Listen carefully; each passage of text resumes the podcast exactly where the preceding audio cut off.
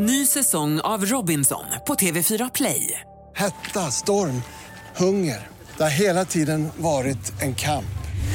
Nu är det blod och tårar. Fan händer just nu. Det. är Detta är inte okej. Robinson 2024, nu fucking kör vi! Streama söndag på TV4 Play.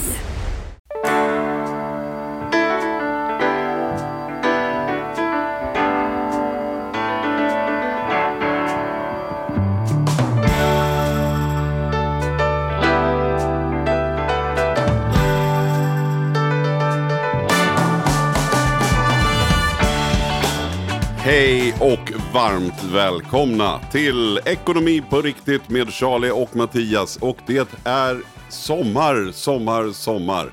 Tänk att eh, Sommar i P1 är igång och, och midsommar och, och dans runt stången. Och tänk vad det händer grejer Charlie. Va? Ja, Va? Och, vi, och vi är kvar. Det är fjärde sommaren Vi för dig och mig. inne. Jag tycker det är skönt att få rast en stund och få vara inne. Jag, som är, jag förstår att detta är så jävla fnasbarnigt, men som är pollenallergiker. Det är ett jädra nysande. Nu har jag hittat en väldigt bra medicin som heter Desloratadin, någonting sånt där. Så den, den eh, kan jag, det sa jag för några veckor sedan att de borde heta bättre saker. Nu har jag kommit på vad den heter. Jättenöjd med den, men det är fortfarande så att jag blir dubbelt glad. Är det sol och fint, då kan man ringa dig och säga så här, får man komma ner på ett beachhäng? Och är det regnigt kan jag tänka, gud vad skönt, nu regnar det ur och rensar upp luften lite grann. Det, det är... Ja men nu är väl pollen, är det inte över nu? Jag, jag, är, lyckligt, jag är lyckligt ovetande men Ja. nu är väl ändå pollen, nu har väl pollen lagt sig typ? Ja, ja, det beror på. du pratar- Om du pratar här björk och hasselasp och sådana saker, då, då är det ju bättre. Men jag, min största eh, nemesis, som min son sa om en eh, person i hans klass, han är min nemesis. Det tycker jag var roligt, man har kommit på som 12-åring. Men eh, så min nemesis är ju gräs. Och gräset blommar ju här kring midsommar, eh, första rundan och sen så en runda till lite senare på sommaren. Så, eh, så är det för mig. Det är gräset som är utmaningen och eh, det är ju... Nu är det så många som är vaccinerade och folk har lärt sig lite bättre, men förra året vid den här tiden var det ju vedervärdigt att vara pollenallergiker. Nu var det inte skitmycket pollen då, men därför att alla blev så rädda så fort man nös så vart man tvungen att ropa pollenallergi, pollenallergi, annars så kom folk med brandsläckaren och skulle liksom tänka så här att jag hade någon coronaspridning eller något. Men det, ja, mm. Sen är jag vaccinerad också kan jag avslöja. Mm.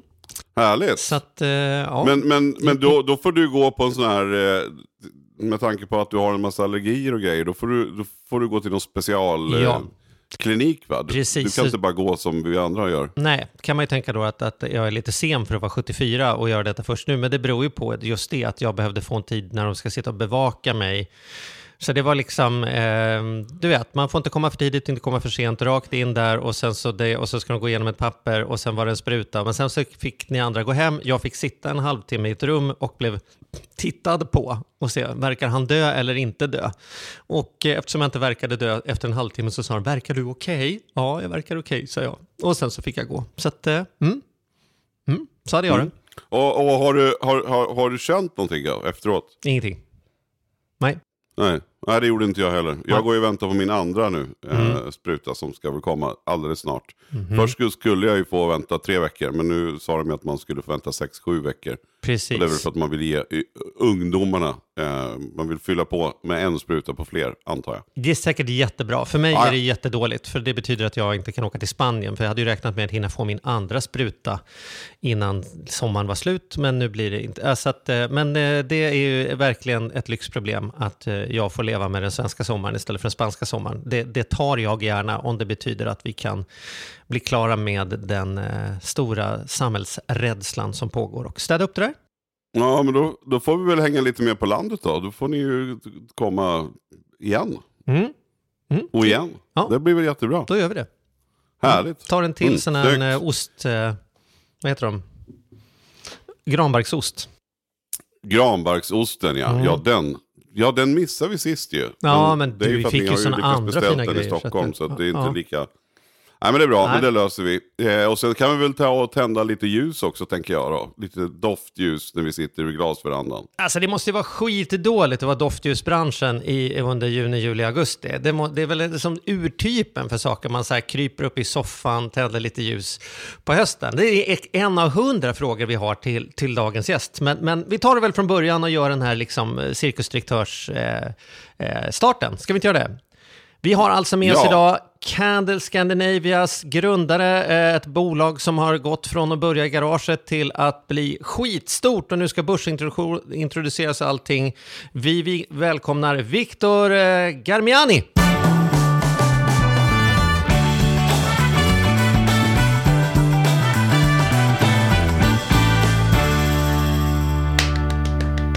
Lyckades jag med Garmiani? Fick jag godkänt på det? Jajamän, helt rätt. Prestationsångest Ja, på, tack, tack. på namnet. Välkommen hit. Tack, tack. Hur är dagsformen? Mycket bra, tycker Ja. jag. Är du Spännande. orolig när det är sommar så här? Är det som att doftljusförsäljningen går i, i, i botten eller? Nej, det gör det inte. Utan nu har vi svårigheter att, att planera semester för att vi har så otroligt mycket att göra. Mm, Så att eh, vi är ju producenter till större del eh, av verksamheten och där är det full kareta i fabriken just nu kan jag säga. Det Ja. är väldigt, väldigt mycket att göra inför hösten. Ehm, så att vi, vi har svårt att få ihop ehm, trycket. Så har jag en stund över, då kan jag komma ner och Du hjälpa är dig välkommen. och gjuta Exakt. lite. Raka vägen i fabriken. Jag kan detta, jag gjorde det på fritids nämligen. När jag, då fick man gjuta sådana ljus och hålla på med Just det. det. Ja, men du är välkommen Ja. direkt. Smälta Introduktionen. stumpar och ha sig. Ja. Men hörru du, hur, hur började det här? Till att börja med ska man säga då, så här, att eh, när jag säger så här, ni är skitstora när det gäller ljus, så kanske någon sitter och tänker där hemma, lite som jag tänkte innan jag läste på. Hur stora kan de vara? Jag har aldrig hört det här, om det här bolaget tidigare, Candle Scandinavia, liksom. Det är, inte, det är inte det jag ser i butikerna går och handlar. För så är det. Ni är skitstora, men det är ingen som köper era, köper, förstår att de köper era grejer. Är det så? Exakt, precis så är det. Det är väldigt många som köper våra produkter, men det står inte namnet Candle Scandinavia på det. Vi är då till större delen en private label-tillverkare. Eh, Och private label innebär att vi gör kundernas varumärken. Och eh, väldigt ofta eh, får vi inte ens nämna kundens varumärke. De tycker det är viktigt att hålla sina leverantörer hemliga. Och eh, vissa tillåter oss och vissa mm, håller det mer hemligt. Men eh, väldigt många av de ljus eh, svenska folket köper idag i butikerna är tillverkade i vår fabrik i Örebro och gjort på naturligt vax och så vidare. Vi har en del kunder som, som kan nämnas, eh, bara för att ge en känsla. En del ljus som köper på Åhléns, på Kicks, på H&M Home kommer från oss. Eh, Clean Cotton på H&M Home, är det du som gör den? Eh, kan hända. Ja, ja du kan inte alla. Jag kan Det var alla. vår förra, förra lägenhets eh, standarddoft som liksom gick en sån här stor glasburk i veckan bara för att... eh, Ja, Fräscht och, och frisk doft. Ja, ja, den funkade liksom. Ja, ja. ja, kanon. Så att ni gör, hur många ljus, hur många ljus gör ni på ett år liksom? Ett par miljoner ljus. Vi gör, eh, nästan enklare att berätta vad många ljus vi gör per dag. Vi gör en full långtradare med ljus per dag. Och per dag innebär det eh, i en skift. Vi kör fortfarande en skift, vi kör 7 till 4 i fabriken. Och där gör vi 16 000 ljus per dag. Alltså 2 000 ljus per timme eh, gör vi. Eh, och vi har som jag nämnde på grund av trycket precis på väg att, att switcha över till tvåskift. Vi kommer här inom kort börja rekrytera lite nya medarbetare och eh, köra då från 5 på morgonen till 22 på kvällen, fem dagar i veckan. Och det innebär då 32 000 ljus per dag, fem dagar i veckan. Eh, Så det är väldigt mycket ljus, men våra ljus säljs inte bara i Sverige ska jag också nämna. Det säljs eh, egentligen över hela Europa och hela världen. Vi har ljus som säljs på 40 olika marknader och jag har landat på flygplatsen i, i Dubai och i New York och gått in till de butiker jag vet att leverera till och, tittat på ljusen och blir lite extra stolt och vet att det här kommer från, från vår egen fabrik i Örebro eh, som, som distribueras i hela världen. Så att volymen är ju stor för att vi, vi jobbar på en, på en eh, av världsmarknad egentligen. Men är Sverige stora på, är, är vi liksom jämfört med andra länder, om man skulle kolla hur många ljus per capita man konsumerar på ett år? Är vi, är vi, vad kan jag hitta på då i mörka Sverige, att vi skulle vara mer än de var med i Dubai? Liksom? Ja, det är vi. Det är vi. Vi, vi. Både Sverige och Norge är väldigt stora på ljus per capita. Eh, sen är det så att det som händer nu jämfört med många andra länder, är att det förändras från ljus till doftljus.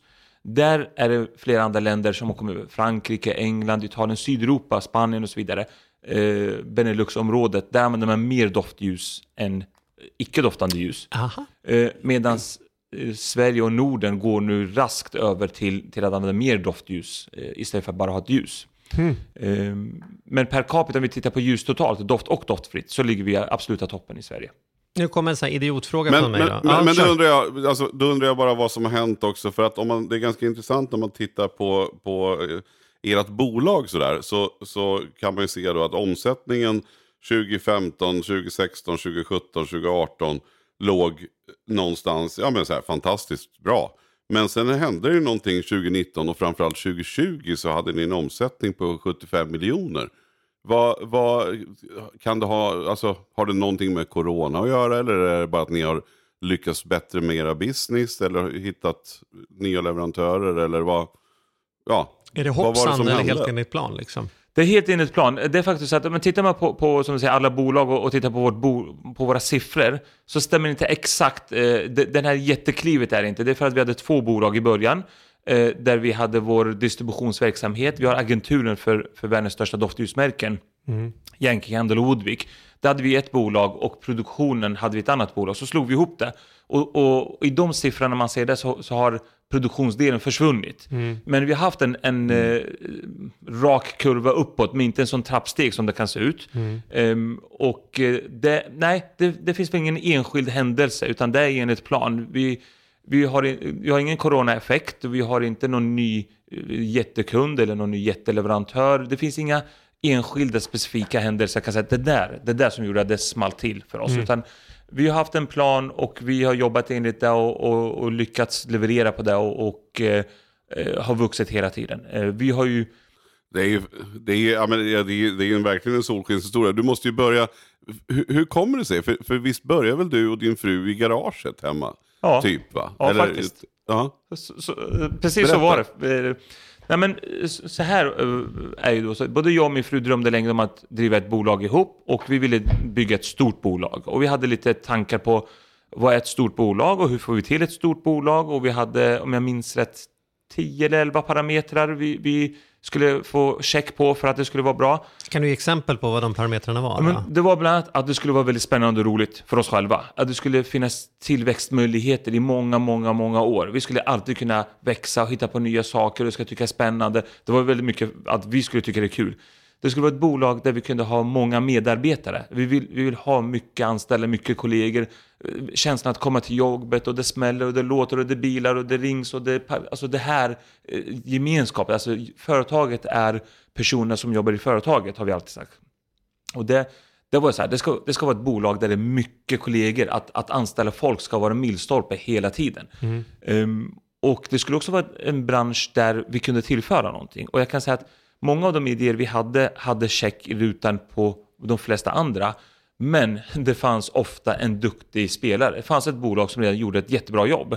Och då kände vi, jaha, där kan vi inte tillföra något. Vad ska vi komma här och, och vara ytterligare ett bolag som, som eh, ska göra samma sak? Här, de är ju duktiga. Kan du ge exempel på branscher som ni sneglade mot och valde bort baserat på det? Vad, Ja, vad vad- kunde det ha blivit istället för Vad ljus? kunde det ha blivit istället för ljus? Eh, ja, nu minns jag inget. Jag vet att vi, jag, någon, anledning- någon gång tittade vi på lyftkranar och, och bygg. Jag vet inte vad vi hade hittat där som, som vi tyckte... Jag minns faktiskt inte, det är så länge sedan. Det var ju under många år vi höll på med, med den här övningen och, och när man var på semester och helger. Och, det var lite grann vår gemensamma diskussionsämne och något som vi intervjuade kompisar och vänner. Liksom, vad tycker du om det här? Vad tror du om det här? Och, och prova grejer. Och, eh, ja, nu minns jag faktiskt inte så många idéer, men jag vet att någonting som ofta var Åh, det där är en bra idé.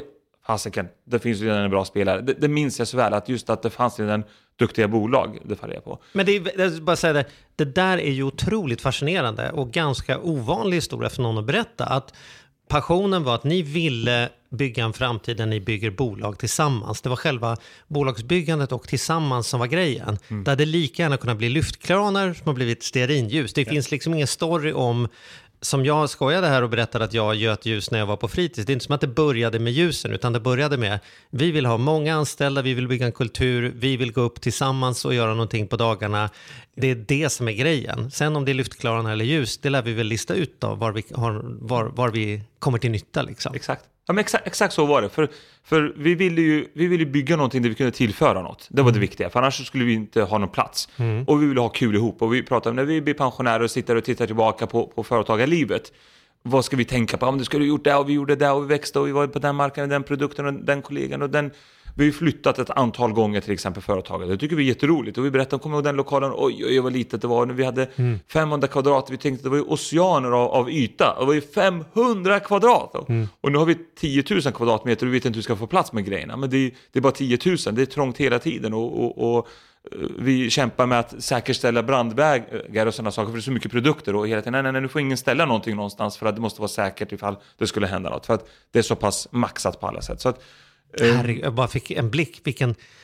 Snacka om att ha brandfarligt. Ni har ju liksom kubikkilometer med ljus som verkligen snackar om att det är brandfarligt. Ja, liksom. exakt. Det, det är inte lätt antändligt. Det, det är inte mer brandfarligt än något annat. Men om det brinner så kan det vara svårare att, att, att släcka det. Så det är ju Ja. naturligtvis väldigt viktigt med, med, Ja. med den aspekten och, och, och fabriken. Ja.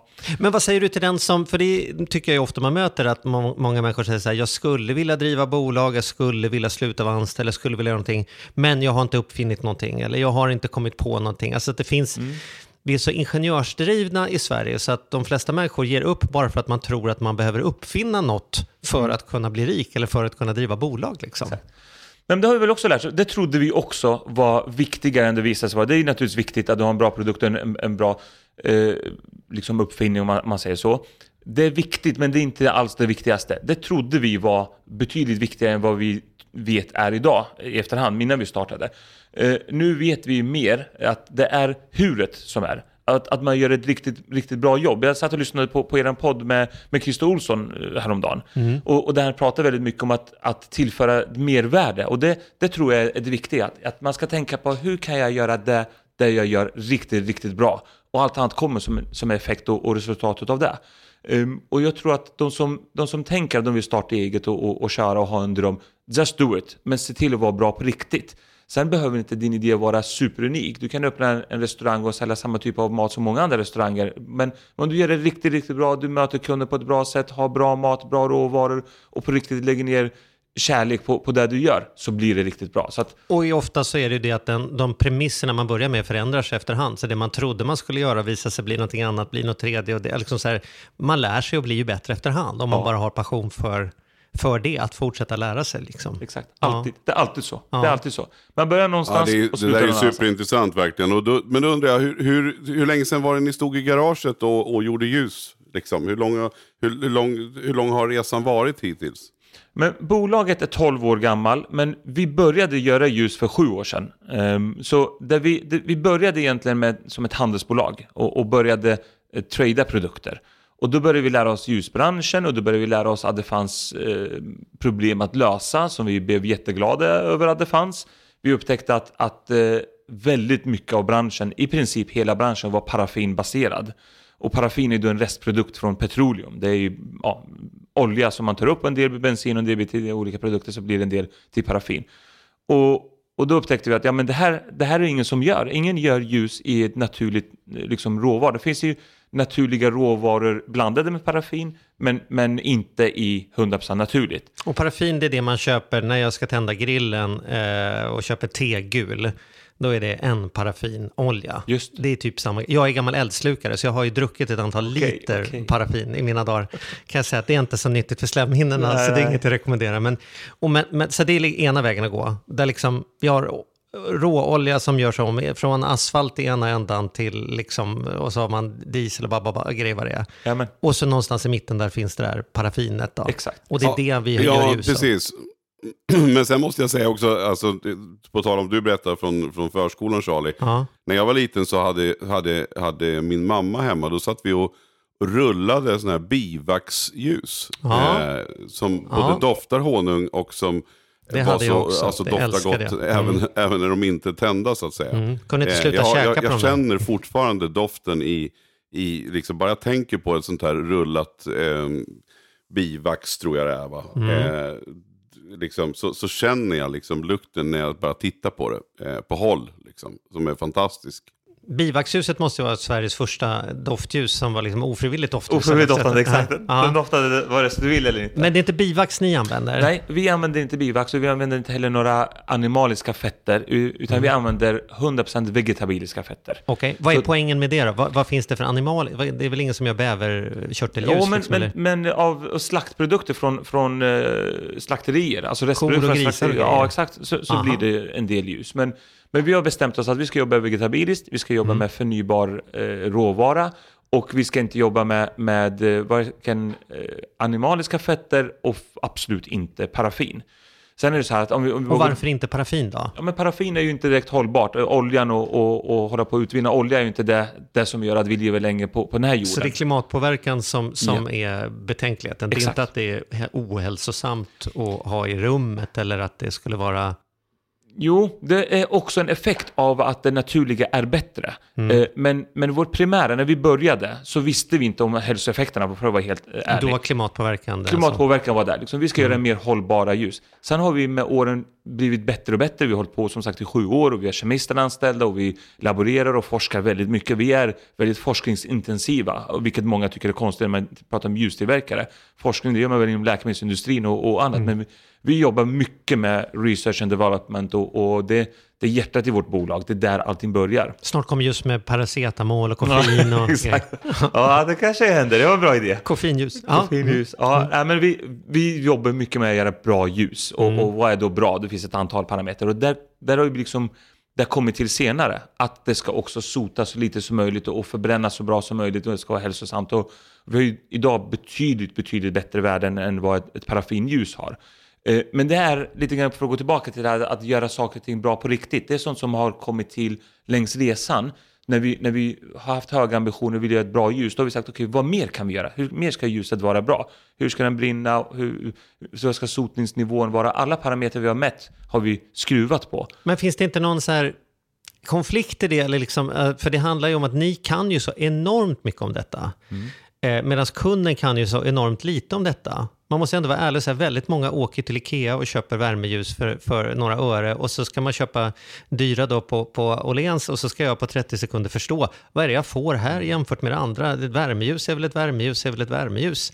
Eh, så här, hur mycket kan man förbättra en produkt med tanke på att kunden ändå inte förstår att det är bättre. Sotnings, hur mycket det sotar, det råkar jag veta eftersom jag har en sommarstuga som inte har el. Då, då märker man att man måste måla om taket olika ofta beroende på vad man använder för ljus eller för, för fotogenlampsolja och sådana saker. Va? Men de flesta människor har ju aldrig tänkt hemma på så här, nej de där sotar mer än vad de andra gör och sådana saker. Liksom. Känner ni någon gång att nu är det vi som håller på att förbättra oss för vår egen skull och kunden bryr sig egentligen inte om det är bättre, eller? Nej, det, det känner vi inte. Vi känner inte att, att kunden inte bryr sig. Vi känner att fler och fler kunder bryr sig. Eh, sen har du rätt i att tittar man idag på marknaden så är det väldigt många som inte vet om det. Men vi hör allt oftare att kunderna bryr sig. Sen märker vi faktiskt vår- från våra kunder som är återförsäljarna, som är butikskedjorna och, och varumärkena, att de har fokus på detta. De vill leverera en bra produkt och de berättar om sin produkt och de vill stå för något bra. Så deras krav ökar eh, och som i sin tur är ju ett kundkrav. Så att, eh, jag håller med dig att, att Eh, ännu vet fler inte om det än de som vet om det. Men, men samtidigt så märker vi att det ökar med väldigt rask fart. Att eh, konsumenterna blir mer eh, krävande och, och vet mer och, och är måna om, om sin egen hälsa och vad vi gör med, med vår natur. Och både miljömedvetenheten men också eh, hälsoaspekten ökar kraftigt. Eh, sen har vi en resa att göra och vi kan tillsammans med, med våra eh, återförsäljare berätta och utbilda och, och, och, och tala om vad det man köper och, och på vilket sätt det är bättre. Och, och det jobbar vi mycket med, att skriva det på förpackningar och informera och, och så vidare. Nu har vi pratat väldigt mycket om vad det inte är i ljusen. Vad är det i ljusen? Vad är det i ljusen? Ja, det är hemligt. I can tell you, but I need to kill you. Nej, men, men det är faktiskt... eh, det är en blend. Det är hemlig recept. eh, Det är en blandning av ett antal vegetabiliska råvaror. Men basen, den som är absolut största delen, det är svensk raps. Så, så det, det är eh, raps som bas med blandning av andra vegetabiliska fetter. Och de, varför det är en blandning? Det är för att de har olika funktioner. Den ena gör den lite krämigare och mjukare. Och när den är mjukare då kan vi använda en, en klenare veke. Och då får vi längre brintid och, och får mindre sotning och så vidare. Så har vi eh, en annan vegetabilisk fett som gör att den håller doft bättre och doftar mer när den är kall. Så du i butiken vet hur den här kommer dofta när du är hemma, när du tänder den varm och så vidare. Så att varje ingrediens finns där av en anledning och en exakt procentsats. Ehm, och eh, gör att, att när man tillsätter doften och de här vaxarna så, så gifter de sig på ett bra sätt och, och fungerar och det går att transportera den utan den smälter i en lastbil. Men samtidigt så brinner den lugnt och harmoniskt och med, med låg sotningsnivå och doftar precis som kunden vill att den ska dofta. För det där upplever jag är ett problem Men är, det, är, men, men, men är det mer, är det mer doftljus, alltså liksom procentuellt sett, hur, hur, hur mycket doftljus säljer ni kontra vanliga, alltså icke-doftande ljus? Ja, men numera säljer vi faktiskt eh, i princip bara doftljus. Jag skulle säga över 95% doftljus, om inte mer. Ehm, Och det är ju för att dofterna i doftljus har vi så mycket bättre. Att fler och fler upptäcker doftljus och fler och fler vill ha doftljus. Så eh, vi, vi som jobbar i det premiumsegmentet som gör ganska eh, liksom lite dyrare ljus, finare ljus i fina behållare. Vi gör alltid ljus i behållare som är fyllda i glas eller keramikbehållare. Och sånt. Eh, där är det i princip bara doftljus kunderna vill ha. Eh, trenden går till och med mot att det blir mer och mer doft, så procentsatsen doft ökar också. Nu när kunderna lär sig att de, de vill ha doft och dofterna fungerar bra och, och inte som förr i tiden var kemiska dofter och man fick ont i huvudet och migrän och det finns ju inte längre. Utan väldigt många av de som köper ett, ett bra doftljus idag fortsätter köpa doftljus. Och då ökar också, eh, men jag vill ha mer doft. Och, och så, men man, man märker liksom från kunderna att mängden doftolja i ljusen ökar gradvis varje år. För det där är ju väldigt svårt tycker jag när jag ska Men, handla men, men, men hur kommer, Ja, hur kommer Kör dofterna ner då? För jag har ju till exempel en favoritväxt nu som, som växer här på landet. Eh, som är, som är, är liljekonvalj. Jag tycker att, att, att liljekonvalj är, ja jag skulle nog säga att det är den bästa doften, den finaste doften jag kan komma på. Men hur, hur kommer då, om man vill göra ett doftljus med liljekonvalj, hur kommer, hur, kommer, um, hur kommer doften ner i ljuset? Eh, av riktig Lillicon Valley till stor del. Så, så även våra dofter, vi köper ju dofterna från, från dofthus. Eh, vi har leverantörer i Frankrike, i Italien, eh, i Tyskland. Eh, stora, stora bolag som, som är experter inom doft. Och de gör dofter till alla möjliga industrier. De gör doft till doftljusindustrin, men till kroppsparfym och, och även schampo och kosmetikbranschen och så vidare. Och de är experter på doft. Och då finns det olika grader av, av kvalitet där, som allt annat naturligtvis. Och det finns sådana som är i högre grad syntetiska och sådana som är i mindre grad syntetiska, mer, mer naturliga. Och vi jobbar med sådana dofter som är i väldigt, väldigt stor grad naturliga. I våra doftoljor finns det alltid några få procentenheter stabiliseringsämnen som gör att ljuset ska brinna bra av säkerhetsskäl. Så doftoljan är inte 100% naturlig, men, men i princip alltid över 90% naturlig. Sen kan det någon gång vara 99 och någon gång 90. Men, men då är det precis som du säger, om du gillar Lillecon Valley, då är det faktiskt Lillecon Valley man använder. Men det är också så intressant, vi hade en parfymör från, från Frankrike hos oss som, som lärde mig något väldigt, väldigt intressant och berättade att man kan ibland tillsätta ämnen som inte alls är det som ska dofta, men som gör att det blir en reaktion med den doften och den doften förstärks. Så, eh, han nämnde till exempel kaffesump, är någonting de använder i, i när de gör doftoljor. De kan tillsätta kaffesump utan att det för den delen vara kaffedoften man är ute efter. Och det kommer inte att dofta kaffe. Men den gör att om det nu är lavendel man ska göra och vill ha en lite mer kraftig lavendel eller lite mer spetsig eh, lavendel. Då kan kaffesumpen framhäva det. Och, och, och de, det är ju en expertområde i sig. Så blandar de detta och, och, gör det för oss. Um, och vi ser till att det fungerar med vårt vax. Uh, så vår utmaning är att, att få den att gifta sig med vaxet och dofta som det ska. Och um, parfymhusen gör då parfymen eh, som, som en av våra råvaror. För problemet är att det är lite av ett blindköp, tänker jag, när jag ska handla. Dels så ser jag hur stora ljusen är, men jag är ju egentligen inte intresserad av att betala per kilo. Jag är intresserad av att betala per minut brintid. Och det står ju någonting på, men då ska jag, det är inte som jämförpris. Det borde vi ha faktiskt i butik. Det ska vara jämförpris, vad kostar den här per minut? Precis som man har per kilo när man köper köttfärs borde man kunna ha så här, vad, vad är timpriset på det här ljuset? Men, men och sen är det också det här med doften då, hur mycket doftar det? För en sak, ibland öppnar man ju en sån här förpackning och så bara bam, oj vad den här luktar mycket.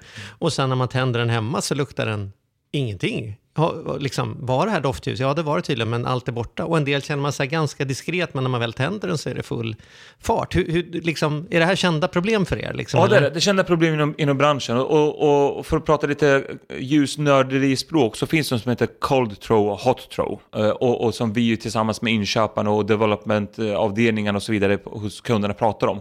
Och då är det precis det här. Cold throw är hur doft, ljuset doftar när den är kall i butik. Det är det man säljer på. När kunden ska välja sitt ljus, så ska, vad är det jag tycker om? Då går man och doftar på de olika ljusen. Så, ah, det här, det Och här det, har, det har egentligen ingen påverkan på hur jag kommer uppleva ljuset när jag har tänt det. Det är bara för att få mig att köpa den i butiken. Exakt, det är för att du ska hitta din favoritdoft. Ja. Eh, och sen har vi hot throw och det är hur den doftar i, i hemmet. Och det är den som man egentligen betalar för och vill ha och, och ska uppleva. Och eh, tricket är ju att få de här att harmonisera så mycket som möjligt. Så du faktiskt får kunden att köpa den de gillar. Så när de är nöjda i butiken så kan de vara lika nöjda när man tänder hemma. Tycka, alltså den här doftar precis som jag vill. Det här är den liljekonvalj som, som jag var ute efter, precis som jag tänkte. Och det här är inte helt lätt, för, för vaxarna har olika porer och de här reagerar olika. Och eh, en utmaning är oftast att den doftar mindre i, i butiken och man kan liksom inte riktigt känna den exakta doften. Och när man tänder den här, så, det var inte riktigt så. Det här var ju alldeles för ja, annorlunda beskt eller mörkt eller vad det är för doft. Så det är någonting vi jobbar väldigt mycket med och det, det är ju eh, det är ju det som är när jag pratar om att göra, vad gör ett bra doftljus till ett bra doftljus. Det här är en av de aspekterna. Att du ska kunna förmedla det till kunden i, i butiken det de faktiskt gillar. Och det finns inget rätt eller fel, vi har olika smaker. Men det är viktigt att man får det man, man förväntar sig. Eh, Det andra du nämnde hade ju varit utmärkt, om inte minst för, vårt bolag. För en av våra styrkor är just att vi har väldigt lång brintid per gram. Ehm, Tyvärr finns det ingen standardiserad eh, system för det här som, som kilo på köttet. Men den, den idén snor jag gärna och försöker implementera så gott jag kan. Eh, För det är precis som du säger, brinttimmarna är det som betyder något. Det, det står oftast 230 gram eller 360 gram. Det säger inte dig som konsument någonting. Jaha, vad roligt att det är 360 gram vax i det här. So what? Hur länge kan jag få njuta av mitt ljus? Och det är något helt annat. De här två korrelerar inte alls, antal gram och antal timmar. Um, återigen för att gå till paraffinljus som är ett väldigt hårt material. Den är ju, den är ju väldigt, väldigt hård. Eh, och det kan man känna i, på ljus. Man trycker man på ljus och den är, den är lika hård som, som det här bordet, då är det paraffin. Och är den mjukare så kan det vara en blandning och, och, och våra är ju väldigt krämiga och, och, och mjuka. Då är det helt vegetabiliskt. Eh, då blir det så att då måste du ha en kraftigare veke för att kunna bränna hela vägen ut. Och då förbrukar den ju fler gram per timme. Så det är klart, då får du ju en, en lägre brintid på samma 300 gram som naturligt vax. Är 300 det därför det inte finns doftljus för liksom stöpeljus, alltså för ljusstaksljus? För jag har ju många ljusstakar hemma, vackra gamla, som betyder något för mig som jag vill tända. På matbordet är det sällan jag ställer fram eller någon sån här eh, tråg med, med doftljus, utan då blir, vill jag ju ha långa ljus. Men det finns aldrig några doftljus, det hade jag ju gärna haft långa doftljus. Liksom. Ja, vi, vi har en sån idé om hur man skulle kunna göra den. Eh, Anledningen är egentligen att det vax vi använder är ganska mjuk. Mm. Och, och det lämpar sig inte för det för att då skulle lite solljus göra den, den böjer Jag sig. kan inte ha den stående i fönstret, Nej, så kommer jag exakt. hem så ligger den över hela bänken. Exakt, exakt. Eh, Så då får man ju liksom hårda till den. eh, Och, och vi har lite sådana idéer. Eh, I paraffin kan man göra det. I i Paraffin är ju hårt och, och dött material och, direkt ur backen och, och, och stöpa. Så att, eh, man kan göra kronljus i, i doftande i paraffin. Men då får du ju en ja, andra sotningsnivåer och inte en miljövänlig alternativ. Eh, och som sagt, vi är ett ganska ungt bolag med, med mycket som händer och inte riktigt hunnit med allting. Men, men en av de utvecklingsprojekt vi har är just detta, att vi ska göra ljus, kronljus i naturligt vax. Ehm, och, och ha lite tankar och idéer. Vi har inte riktigt kommit dit, men, men vi tror vi ska kunna knäcka det. Vad Skönt, och roligt att man Vad kommer kul, få det kan, vara, det kan ju då vara nästa utmaning då helt enkelt. För precis, den, precis så som Charlie beskriver det tänker jag också då. Vi, vi använder mycket ljus, jag tycker det är supermysigt. Året om faktiskt, eh, inte bara på hösten. Men, men då är det just det som, att jag har ju både ljuskronor och man har ju de här just precis på matbordet. Och då är det ganska tråkigt att ställa fram liksom värmeljus eller ett förstärkt doftljus när man sitter och äter vill man ju inte heller. Men, men att få en liten, en liten eh, touch av något doftande skulle ju vara supernice. Lite citron och timjan som ringlar ner från takkronan samtidigt som man sitter och käkar sina skaldjur där. Det har inte varit så dumt.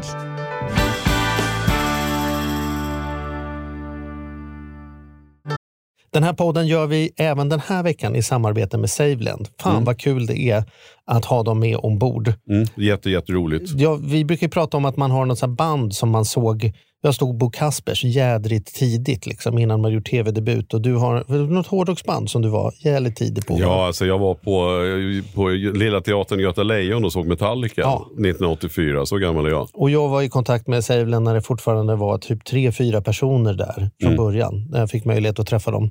Eh, och nu är de ett stort bolag, fyller tio år, finns på börsen och jobbar helt enkelt med att vanliga privatpersoner och företag kan investera pengar eh, i eh, lån och krediter. Så man får riktigt bra ränta. Så eh, det rullar på efter tio år, bättre än någonsin. Fantastiskt kul att ha dem med här i podden. Gå in, testa, kolla. Vi har en kod som gör att om du öppnar ett konto och använder på riktigt får du dessutom en insättningsbonus just nu. Precis, och vill man veta mer så som sagt gå in på saveland.se. Men Man kan också lyssna på Ludvig som har varit gäst i vår podd två gånger. Då får Ja. man en ännu bättre inblick i Ja. vad, vad det är de pysslar med egentligen. Men eh, ja, saveland.se och stort tack. Ny säsong av Robinson på TV4 Play. Hetta, storm, hunger. Det har hela tiden varit en kamp. Nu är det blod och tårar. liksom. Fan händer just nu. Det. är Detta är inte okej. Robinson 2024, nu fucking kör vi! Streama söndag på TV4 Play. Ett poddtips från Podplay. I fallen jag aldrig glömmer djupdyker Hasse Aro i arbetet bakom några av Sveriges mest uppseendeväckande brottsutredningar. Går vi in med hemlig telefonavlyssning och, och då upplever vi att vi får en total förändring av hans beteende. Vad är det som händer nu? Vem är det som läcker? Och så säger han att jag är kriminell, jag har varit kriminell i hela mitt liv men att mörda ett barn, där går min gräns. Nya säsongen av Fallen jag aldrig glömmer på Podplay. Men hur ser utvecklingen ut då? Jag måste bara fråga, hur, hur ser utvecklingen ut på bolaget? Vad, vad är kommande planer nu då? Det är börsintroduktion på gång, precis. Eh, vi har... Eh, så här, vårt bolag har hittat något riktigt, riktigt bra. Eh, och vi växer väldigt mycket, men vi skulle kunna växa ännu mer och, och approacha fler kunder och, och erbjuda dem. Och för att kunna klara av det så, så, så behöver vi bygga eh, större organisation. Eh, vi behöver bygga en, en eh, internationell säljorganisation med säljare eh, i, i fler länder som, som kontaktar mm, den typen av kunder. Vi behöver bygga kapacitet i produktionen med fler maskiner och, och eh, eh, fler linjer helt enkelt. Eh, och för det behöver vi dels kapital och för det behöver vi också bli mer kända. För vi, vi märker att, att väldigt många av de kunder, alltså de, med kunder menar jag varumärken och butikskedjor vi kontaktar, tycker att vi har något väldigt bra att erbjuda. Vi, vi erbjuder ett, ett bättre alternativ till samma pris. Um, och uh, det gör ju att uh, vår största utmaning har varit att, att hänga med och, och orka med och, och, och så vidare. Eh, så därför så har vi bestämt att vi ska gå till börsen. Vi ska ta in en del tillväxtkapital och genom börsen får vi då båda de här delarna. Dels blir vi som bolag mer kända och dels så får vi tillväxtkapital så vi kan investera i både större organisation, säljkår ehm, och eh, maskiner och kapacitet. Så Hur mycket pengar är det ni vill ha? Vi kommer totalt ta in 100 miljoner i, i Ja. eh, bolaget. Ja. Och hur gör man då? Hur gör man eh, för att fatta det beslutet först och främst då? Det är ju ändå så att en betydande del av det bolaget som var ditt och din frus blir ju nu då, då äh, hundratals eller tusentals eller, eller ännu fler tiotusentals människors andra. Det blir ju deras verksamhet på sätt och vis istället för din. Vinsten är att du kan ju skaffa tre sådana där hallar och, och ha ljusen i och du kan ha säljare överallt. Men det blir också att det inte riktigt blir ditt bolag längre. Fanns det ett sånt möte där det var som så här, hmm, ska vi, det går ju bra. Du tjänar ju pengar mer än vad du klarar av att göra av med. Varför, varför ge bort bolaget till andra eh, för de här 100 miljonerna? Liksom? Exakt. Nej, men så här, den här frågan har jag fått så, så många gånger för att väldigt många har den bilden att det här är vår baby och, och det är vi som ska göra det här och det har det aldrig varit. Så när jag och Nina pratade om det här, så det här var ingen svår fråga, det var ingen stor fråga. Vi diskuterade naturligtvis länge, flera gånger, fram och tillbaka, olika alternativ. Men då, då valde vi, alltså då var det mer mellan, ska vi gå till börsen eller ska vi ta in riskkapital eller ska vi göra så eller så. Men, men vi har ju, när vi satt och planerade ett eget bolag, hon och jag, och vi ska driva bolag tillsammans, så var det inte så att det ska bara vara vårt och det måste bara vara vårt, utan det var en resa vi ville göra. Det är någonting vi vill förverkliga, något vi tror vi kan bygga upp som är väldigt roligt. Och i där är, det ju, det är ju det viktiga, att vi kan förverkliga det, att vi kan bygga ett stort bolag, att vi kan ha många hallar, att vi kan bli ännu fler kollegor i företaget och, och de delarna.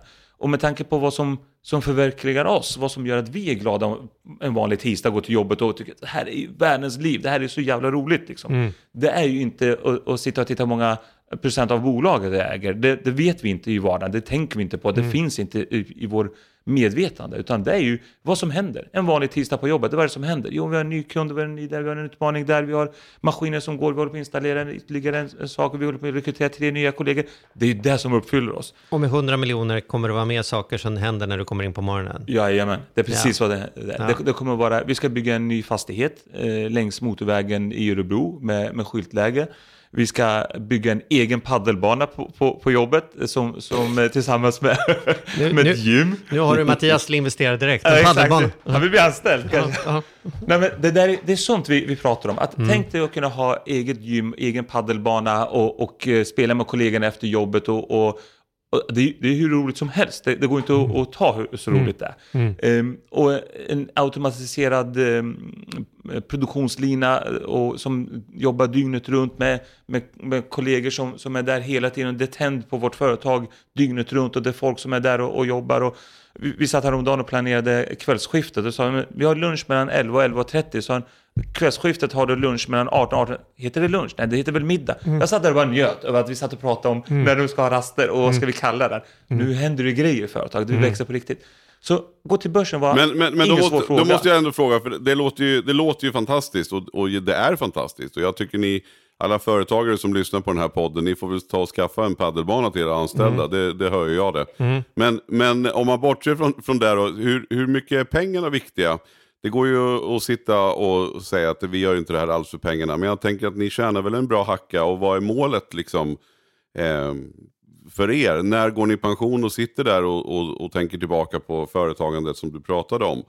Eh, ja, Ja, jag går i pension när jag bokstavligt talat bärs ut ur lokalerna och sen nu får det vara nog Viktor, ge det nu, du, du pallar inte det här längre, vi behöver inte det längre. Så att jag tror jag kommer ha svårt att gå i pension, jag vet inte när. Så länge kroppen bär och, och, och psyket bär och, och, och jag tillför något så, så kommer jag inte gå i pension. Jag tycker det här är en hobby, det här är ju roligt. Liksom. Men är det sant nu? För nu ska jag kolla då, då Mm. på riktigt. Säg att jag säger så här, Viktor, jag har 100 miljoner liggande här.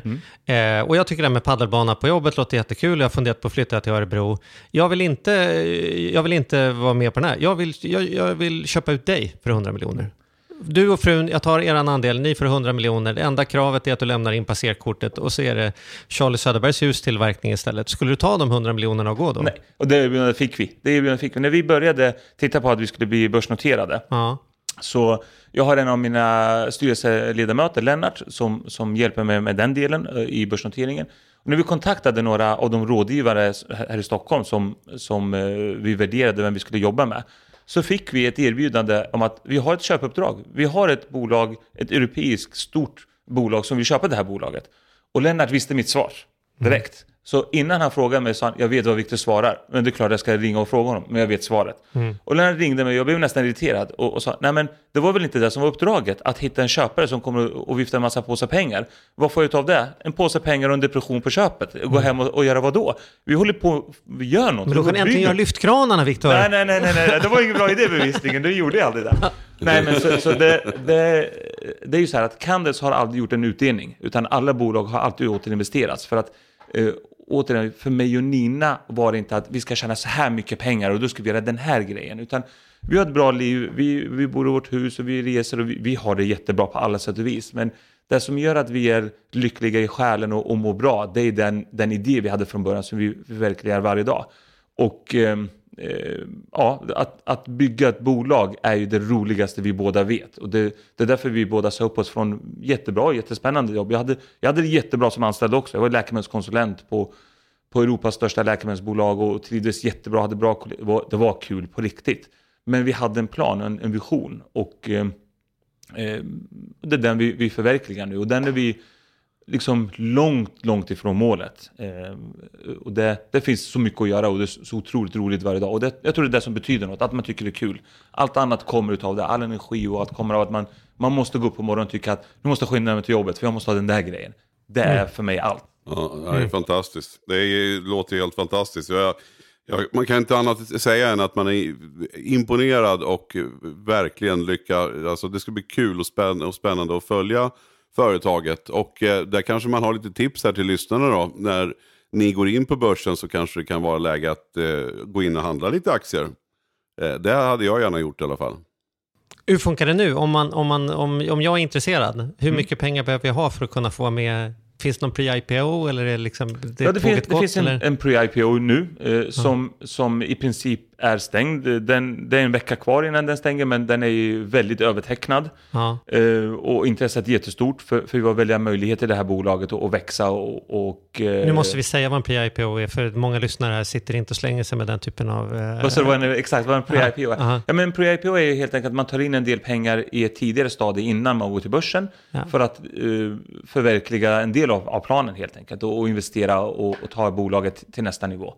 Och sen så går vi det, till är, si- börsen. det är sista investeringen innan man eh, lägger aktierna till salu för allmänheten. Och då Exakt. tar man in ett antal så man får fler ägar, bättre ägarspridning, får lite mer reklam och du får tillräckligt med pengar för att göra det som behöver göras för att kunna göra den där rundan. Liksom. Exakt, exakt. Väldigt väl beskrivet. Ja. Och, och, och där man får in också en del eh, lite mer kända investerare och lite mer eh, professionella investerare som har mer kontakter och kan, kan hjälpa till i nästa del. Mm.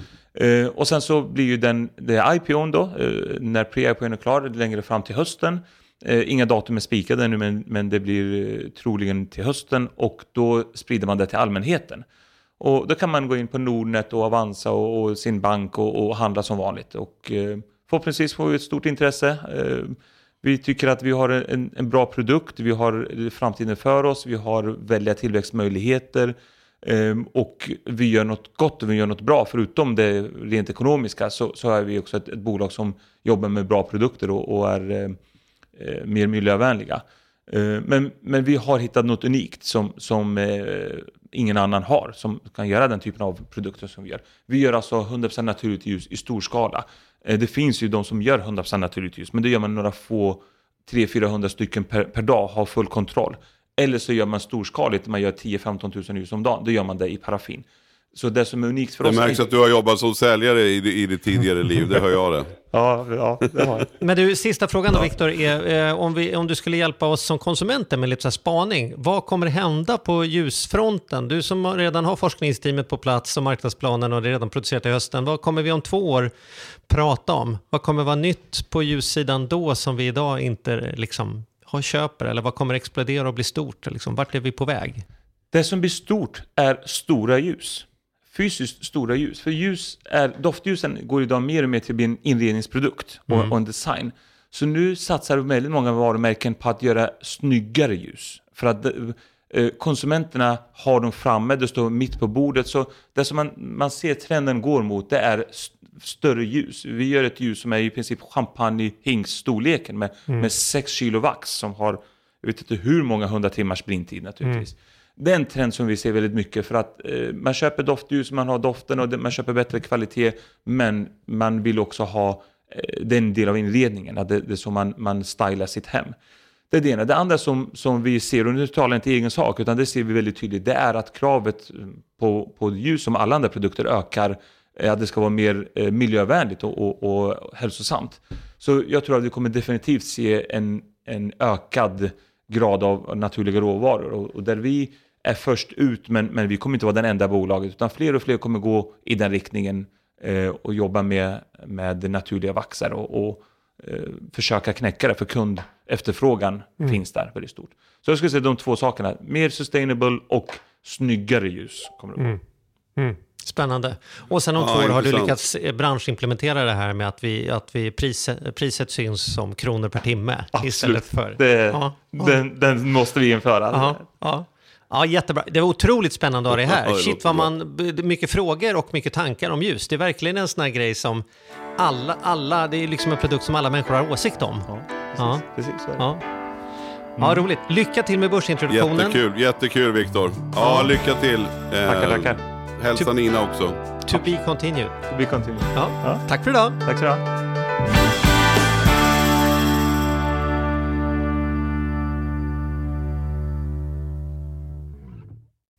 Ny säsong av Robinson på TV4 Play.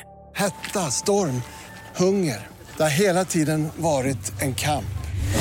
Nu är det blod och tårar. liksom. Fan händer just nu. Det. är Detta är inte okej. Robinson 2024, nu fucking kör vi! Streama Söndag på TV4 Play.